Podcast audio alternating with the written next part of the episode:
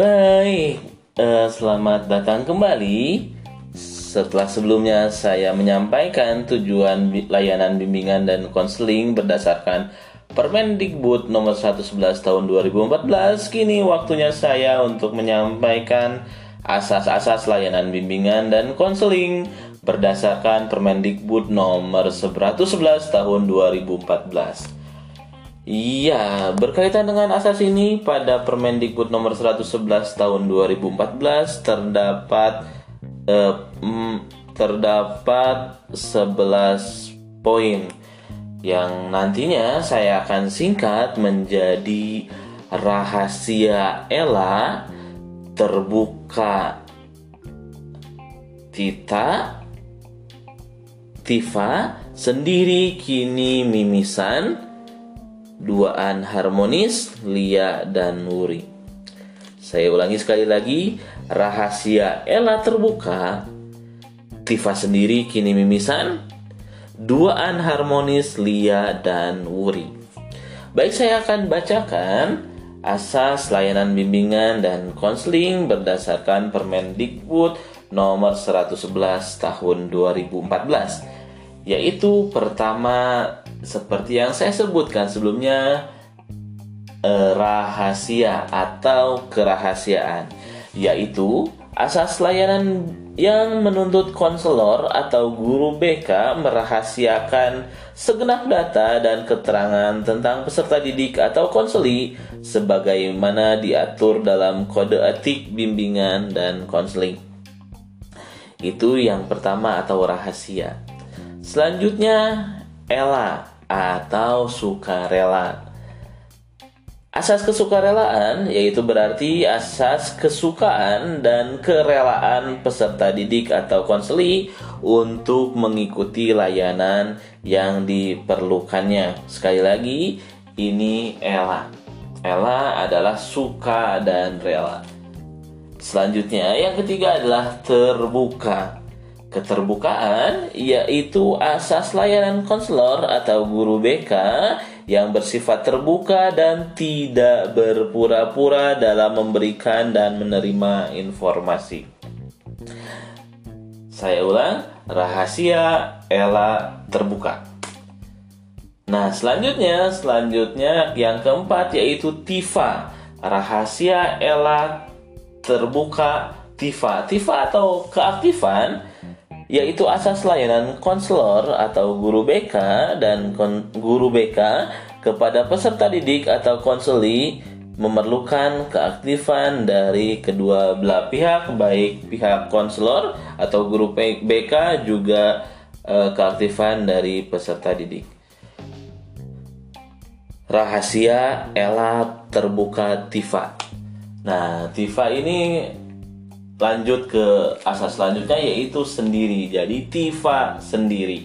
Sendiri itu berasal dari kemandirian, yaitu asas layanan konselor atau guru BK yang merujuk pada tujuan agar peserta didik atau konseli mampu mengambil keputusan pribadi, sosial, belajar, dan karir secara mandiri.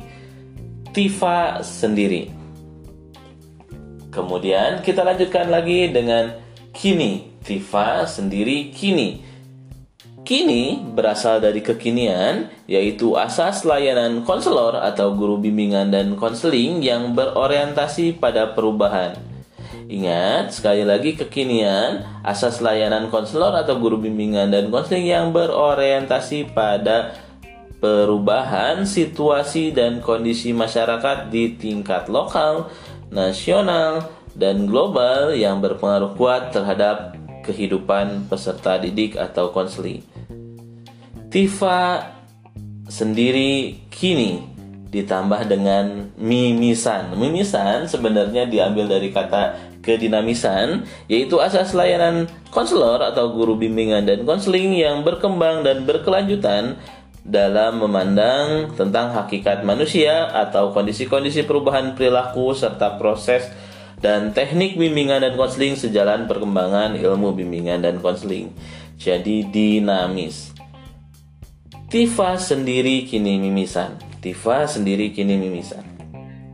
Selanjutnya, asas selanjutnya adalah duaan harmonis lia dan nuri.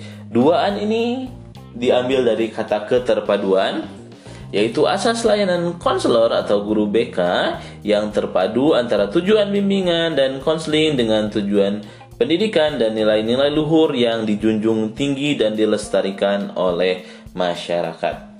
Sekali lagi, uh, keterpaduan ini diambil dari keterpaduan.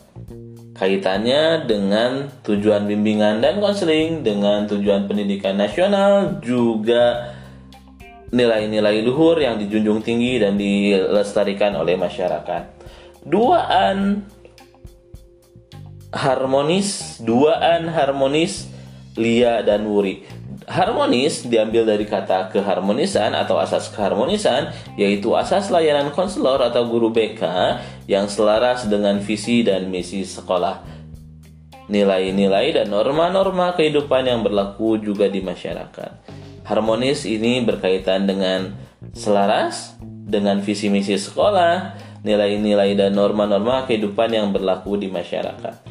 Selanjutnya lia atau keahlian diambil dari kata keahlian, yaitu asas layanan konselor atau guru BK dan guru BK yang berdasarkan atas kaidah-kaidah akademik dan etika profesional di mana layanan bimbingan dan konseling hanya dapat diampu oleh tenaga ahli BK. Dan yang terakhir adalah Wuri atau Tutwuri Handayani, yaitu suatu asas pendidikan yang mengandung makna bahwa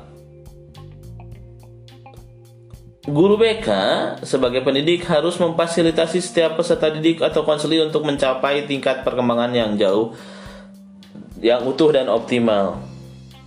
Nah, sekali lagi saya singkat ini menjadi rahasia Ella terbuka. Rahasia Ella terbuka Tifa sendiri kini mimisan Duaan harmonis Lia dan Wuri Terima kasih telah mendengarkan Selanjutnya kita akan membahas tentang prinsip-prinsip bimbingan dan konseling pada episode selanjutnya. Terima kasih.